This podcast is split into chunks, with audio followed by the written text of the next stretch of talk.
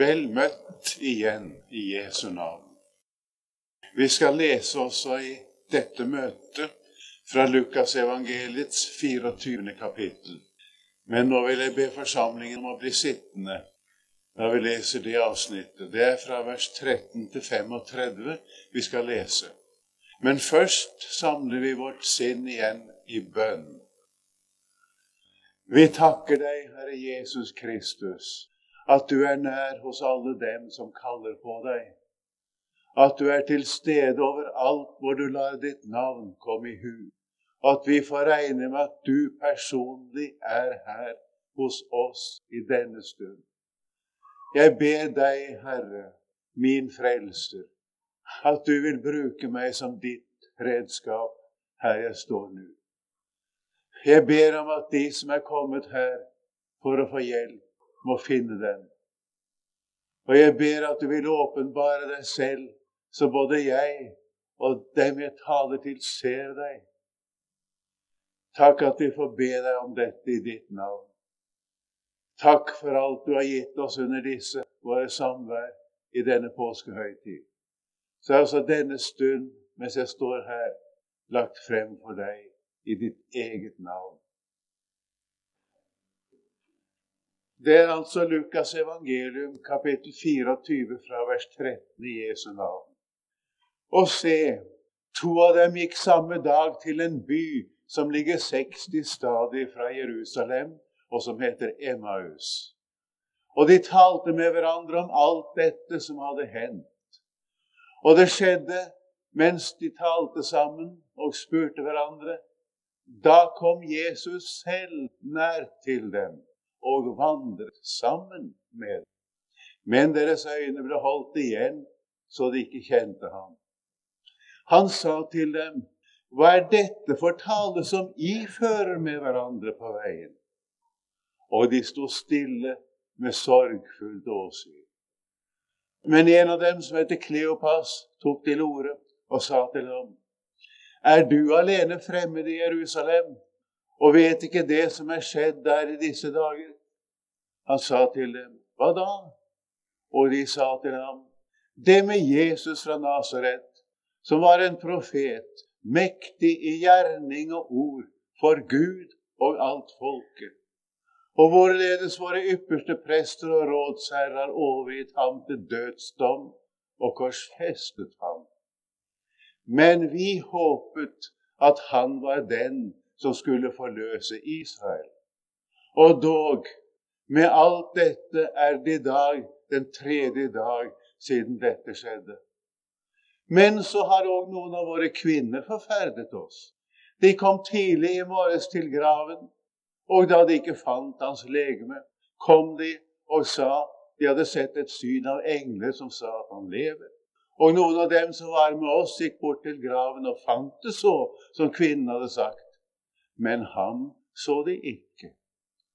Da sa han til dem, I dårer og senhjertede til å tro alt det profeten har talt. Måtte ikke Messias lide dette og så gå inn til sin herlighet? Og han begynte fra Moses og fra, alle, og fra profetene og utla for dem i alle skriftene det som er skrevet om ham. Og de var nær ved byen som de gikk til, og han lot som han ville gå videre. Da nødde de ham og sa, Bli hos oss, for det stunder til aften, og dagen heller. Og han gikk inn og ble hos dem. Og det skjedde da han satt til bords med dem. Da tok han brødet og velsignet det og brøt det og ga dem. Da ble deres øyne åpne, og de kjente ham. Og han ble usynlig for dem. Og de sa til hverandre, brente ikke vårt hjerte i oss da han talte til oss på veien og opplot Skriftene for oss? Og de sto opp i samme stund og vendte tilbake til Jerusalem og fant de elleve samlet og dem som var med dem. Og disse sa, Herren er sannelig oppstanden og sett av Simon. Og de fortalte hva som var skjedd på veien, og hvorledes han ble kjent av dem da han brøt brødet. Amen. Det er to av Jesu disipler som synes de ikke kan holde ut å være lenger i Jerusalem. De går til en by som ligger 60 stadig fra Jerusalem. Er for det meste nedover bakke dit. Det er 11,5 km omtrent. Det vil si det er som herfra og til Lura. Hvis en går den veien i samtale og ikke går fort, så tar det to til to og en halv time å gå den. Og du kan si mye på den tiden. Nå går disse to sammen. De taler med hverandre om alt det som er skjedd. Og det er noe så endelig håpløst over dem. De vet ikke hva de skal tro. De vet ikke hva de skal si. De spør hverandre, og de snakker sammen. og Det er som en kan tenke seg. De sier hvordan henger dette sammen? Hvordan kunne dette skje? Var han ikke den vi trodde? Nå er han borte. Mens de holder på å snakke sammen slik, så er det en som kommer. Han kommer formodentlig inn fra en liten sidevei. Han slår lag med dem. Han vandrer sammen med dem. Det er Jesus selv. Det er han som de snakker om, som nå er der. Men det ser de ikke. Og det skal de ikke se. Deres øyne blir holdt igjen. De skal ikke kjenne ham. Og det har sine store grunner, som vi nå ser videre. Men er ikke dette underlig? Jesus har sagt hvor to og tre kommer sammen i mitt navn, der er jeg selv midt iblant dem. Vi har så lett for å gjøre som vi har gjort her også, forresten. Overføre dette på en stor forsamling. Nå er det riktig at Jesus er til stede i en stor forsamling. Det er helt riktig. Det står i Guds ord overalt hvor jeg lar mitt navn komme i hu, er jeg selv til stede. Overalt hvor vi samles i Jesu navn, der er han. Det er sikkert nok. Men vi har så lett for å overse et ganske spesielt løfte til to og tre. Har du benyttet deg av det løftet noen gang? Jeg bruker dette meget for min del. Det er ikke mange løfter i Bibelen jeg har hatt som egen velsignelse av. Jeg har benyttet meg veldig av dette at vi to og tre snakker sammen. Og jeg har opplevd at vi kan være like rådville alle tre. Eller begge to, ettersom jeg er to eller tre. Vi snakker sammen, taler sammen om det som er i Guds ord, og som vi ikke forstår. Og så skjer det. Akkurat det som skjedde med disse to som gikk til Emmaus. Han opplater Skriftene for oss, og vi begynner å se. Det var noe disse to trengte, og som alle kristne trenger. Du og jeg og alle som vil høre Jesus til. Det er at Guds ord blir lukket opp for oss. Hvis ikke Guds ord blir lukket opp for oss, kan vi ikke se noen ting. Du kan ikke kjenne Jesus enn ikke om Jesus åpenbarte seg legemlig for deg og sto der lys levende så du så ham. Ikke engang da vil du kjenne ham hvis ikke Guds ord var opplatt for deg. Og det er så mange som tenker feil her. Om vi bare fikk se Jesus, vil ikke hjelpe deg det minste hvis ikke Hans ord ble opplatt for deg. Er du ikke klar over det? Om jeg bare ville se store tegn og undre, helbredelse og store gjerninger, ja, det skulle virke. Det skjer forresten ikke så ganske lite mellom oss av slike ting.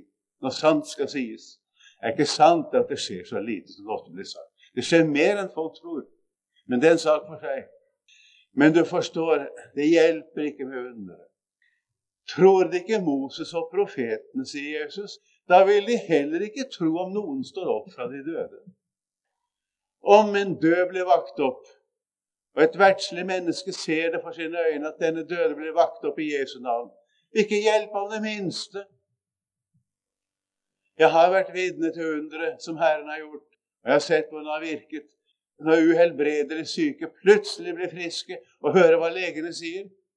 Ved en spesiell anledning dette hendte, vakte det ganske betydelig oppsikt på sykehuset. Og det var til og med her på Stavanger sykehus.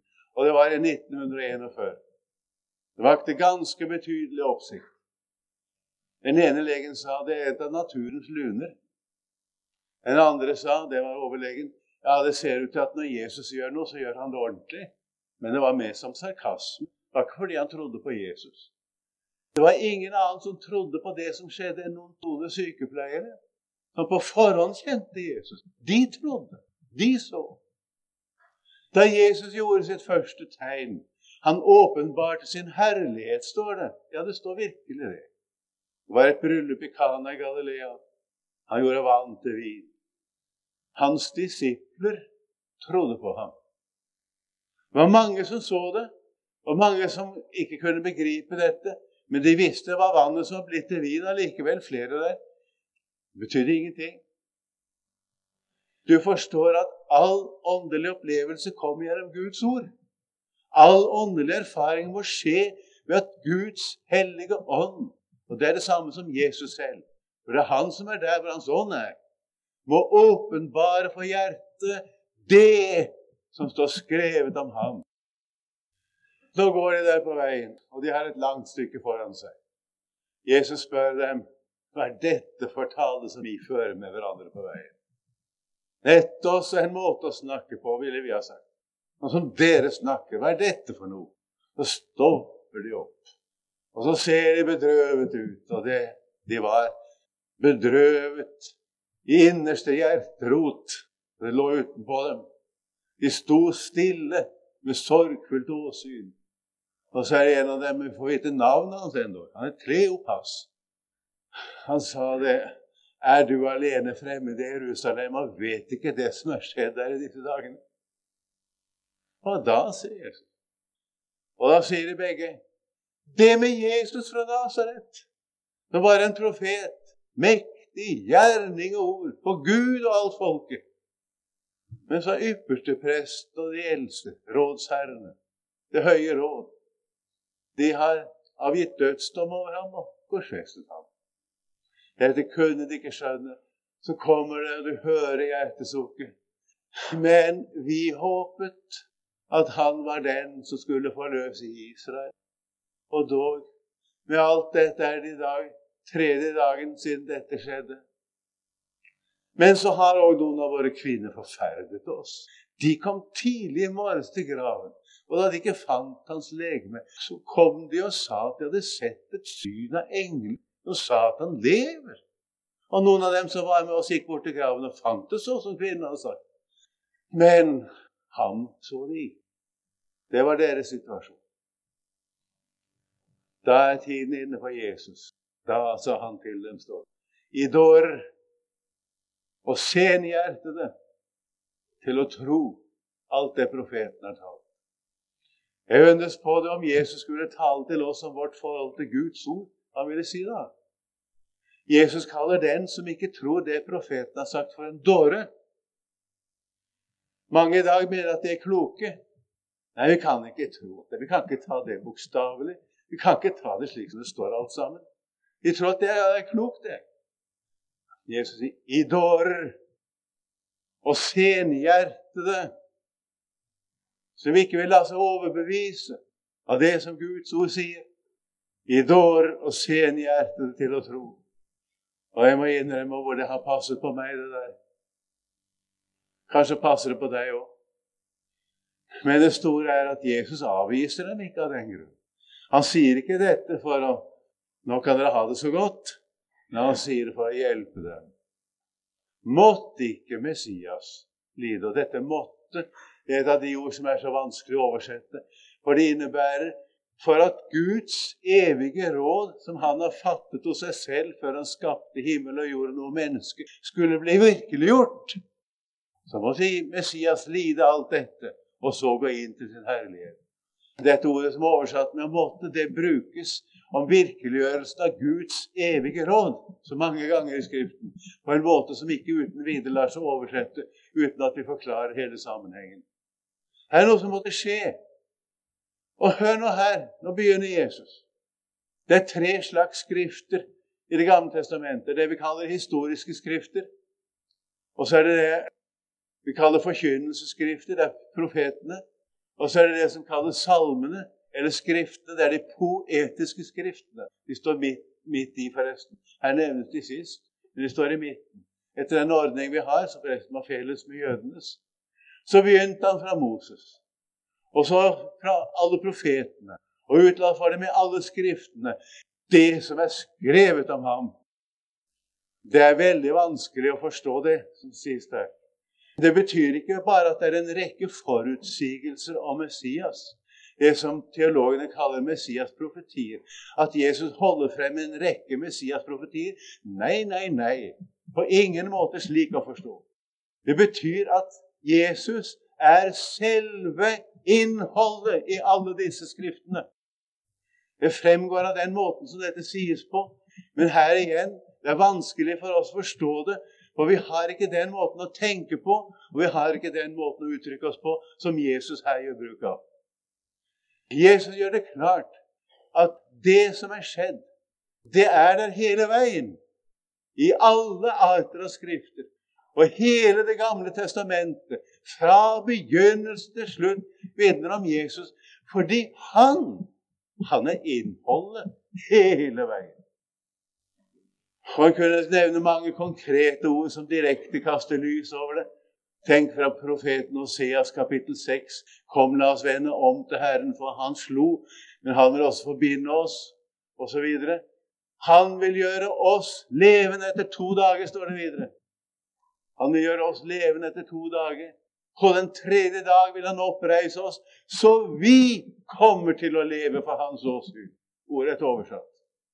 Kom, la oss lære ham å kjenne La oss med iver søke å lære ham å kjenne, står det. For hans oppgang er så viss som morgenrøden, og han kommer til oss som regnet, som et vårregn som hveter jorden. Jeg kan tenke meg at det er et av de ord som begynte å brenne inn i hjertene på dem da Jesus talte med dem på veien. Og tenk på det som står til slutt i Salme 41, for å ta et annet eksempel. Om meg holder oppe i min uskyld, og setter meg for ditt åsyn evinnelig. Det er gjennom Jesus, det. En profeti om hva han gjør. Min uskyld, det er Jesus. Det tales meget om å vandre i uskyld. Er du klar over at det betyr å vandre i en rettferdighet som er oss gitt, og som er fullbudt av en annen? Og du, er du klar over at når Det gamle testamentet så ofte tales om den rettferdige, så er det brukt en form som betyr rettferdig ved en annen jeg kan jo ikke stå her og prøve å undervise dere i hebraisk. Vil ikke hjelpe meg på en liten stund. Men den som kjenner litt til språket, oppdager at her er noe aldeles forunderlig, som er skjult for mennesket. Og når de fleste leser Det gamle testamentet, så misforstår de fra ende til annen. Det har nok de gjort i Israel òg på en stor del. Men nå kom Jesus, og så begynner han å tale. Og så går han gjennom det. Og han får jo sagt en hel del på to og en halv time. Og kanskje litt lengre tid også. Jeg skulle gjerne vært der, altså. Jeg fikk en gang det spørsmålet av en avis i Oslo. Hva ville du helst ha vært med på i påsken? Ja, så er det ikke så godt å si. Men det er to steder jeg kunne tenke meg særlig gjerne ville ha vært. Det ene var da Jesus holdt sine avskjedstaler. Og det andre er jeg skulle gjerne vært sammen med Emmausvandrere. Jeg vil gjerne være der, der hvor Jesus taler, og der hvor Jesus opplater Skriftene for oss. Og Gud være lov og takk, Han gjør det i dag også. Hvor to og tre kommer sammen i Hans navn. Hvor en går til Guds ord for å lese, for å se, for å høre. Og når jeg spør deg, er det dit du går med dine vanskeligheter, med dine spørsmål? Du kan ikke slå opp i Bibelen og finne svar sånn som du slår opp i et leksikon. Det har aldri vært meningen. Men begynn å lese.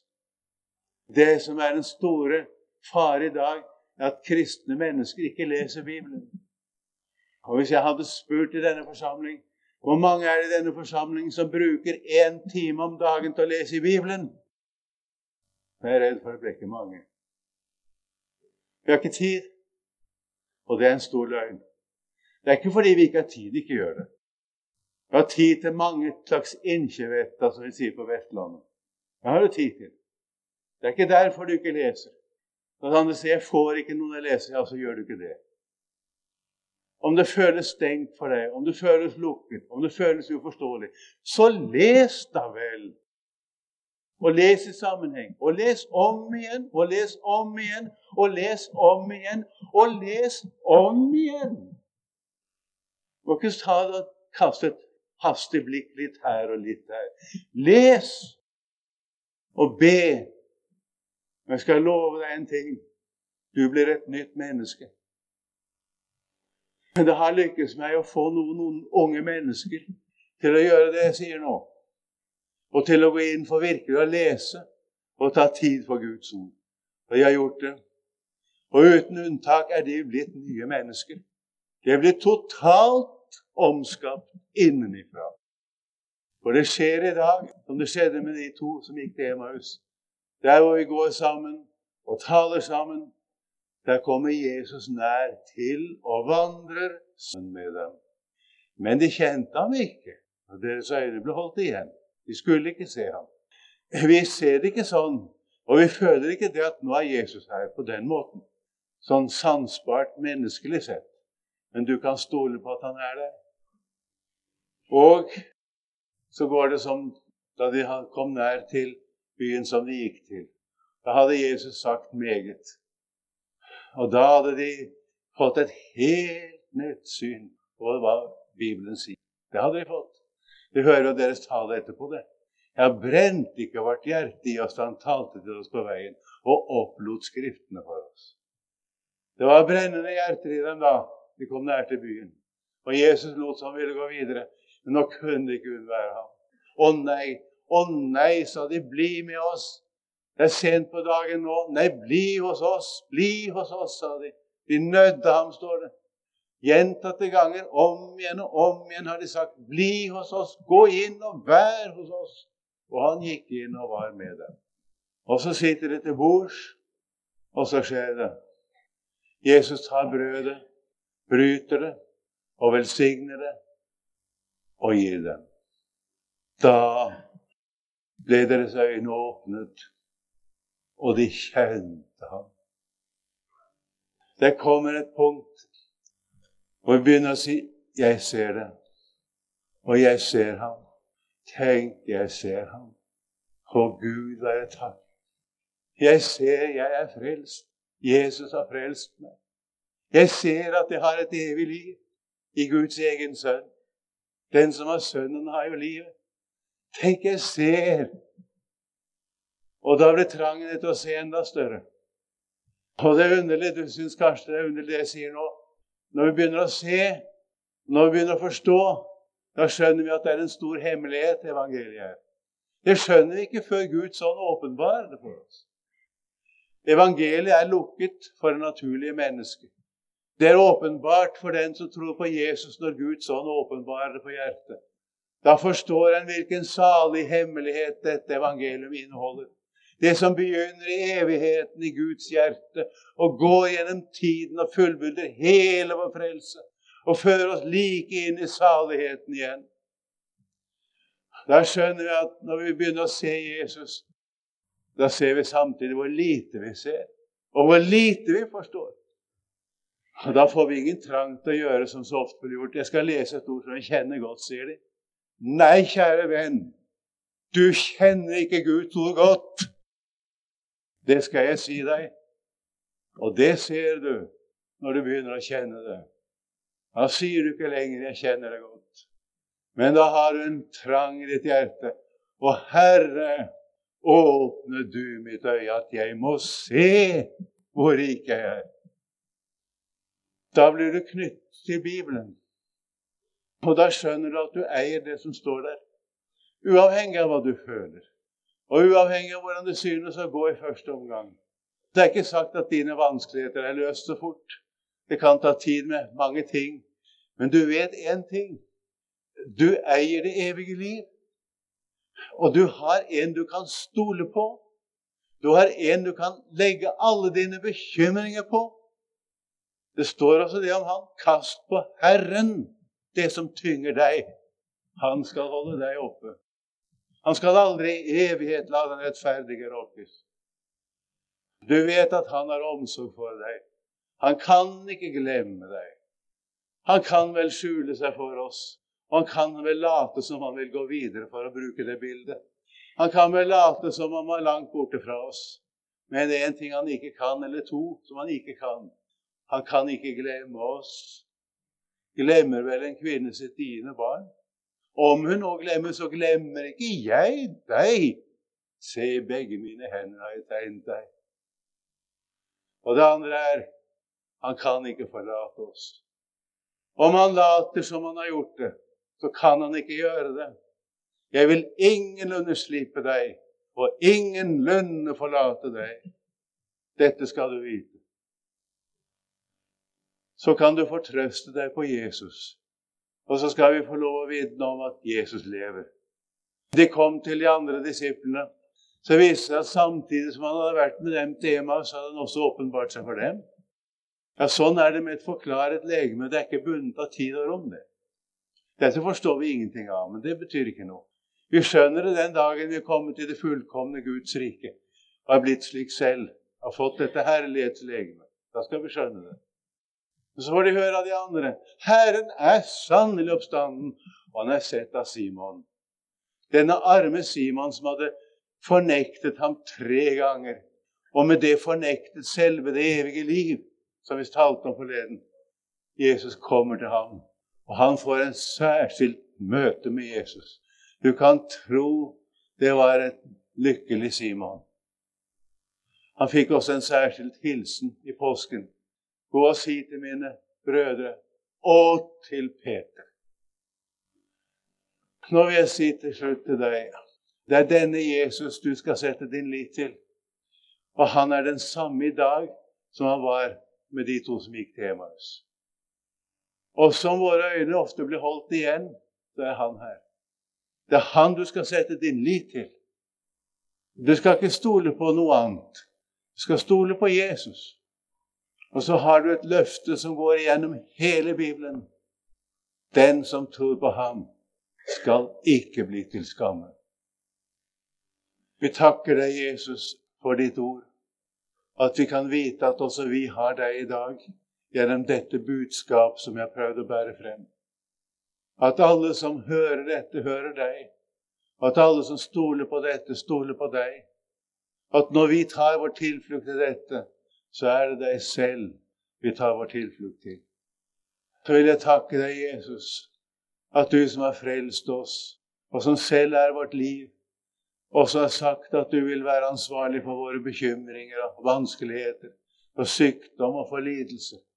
At du sender oss hjelp, og at du alltid er villig til å høre på oss når vi ber til deg. Det er mange slags vanskeligheter og nød i denne forsamling. Vil du hjelpe hver og en til å stole på at du er den rett å venne seg til. Og at ingen av dem som tar sin tilflukt til deg, dømmes skyldig. Og ingen av dem som setter sin lit til deg, blir noensinne til skamme. Ære være ditt navn. Amen.